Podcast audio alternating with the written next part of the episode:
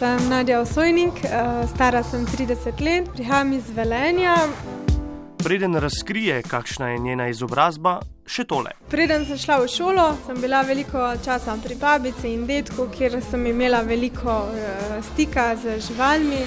V bistvu se ne spomnim, da bi si kadarkoli želela postati uh, kaj točno določenega. Čeprav je želela v srednjo šolo za oblikovanje, so jo pregovorili za gimnazijo trenutno. Po izobrazbi pa sem biologinja in kiparka. Skoraj povsem drugačni smeri, a ne za nadjo, ki je najprej študirala biologijo. Vendar se potem um, stvar ni čisto tako razpletla, oziroma sem tekom študija se upisala na tečaj kiparstva.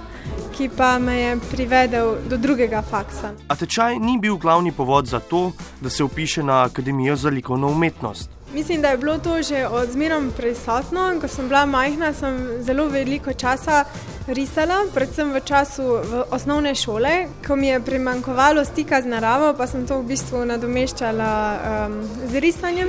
Potem sem to malo izgubila, oziroma je šlo v pozabo. Marsikdo sanja o upisu na akademijo, pa mu ne uspe. Nadji je uspelo v prvem poskusu kiparstvo in biologija pa sta pri njej tesno povezana. V bistvu te stvari že vse čas povezujem, ker vse, kar delam v kiparstvu, je povezano z biologijo in v bistvu to je tudi moj namen.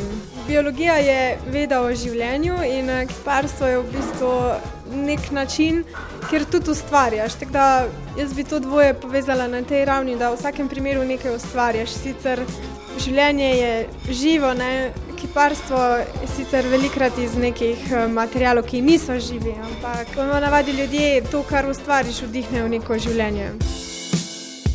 Kako pa takšna raznolikost znanja vpliva na njeno zaposlitev? Ne vem, ali je kaj lažje dobiti službo z dvema faksoma.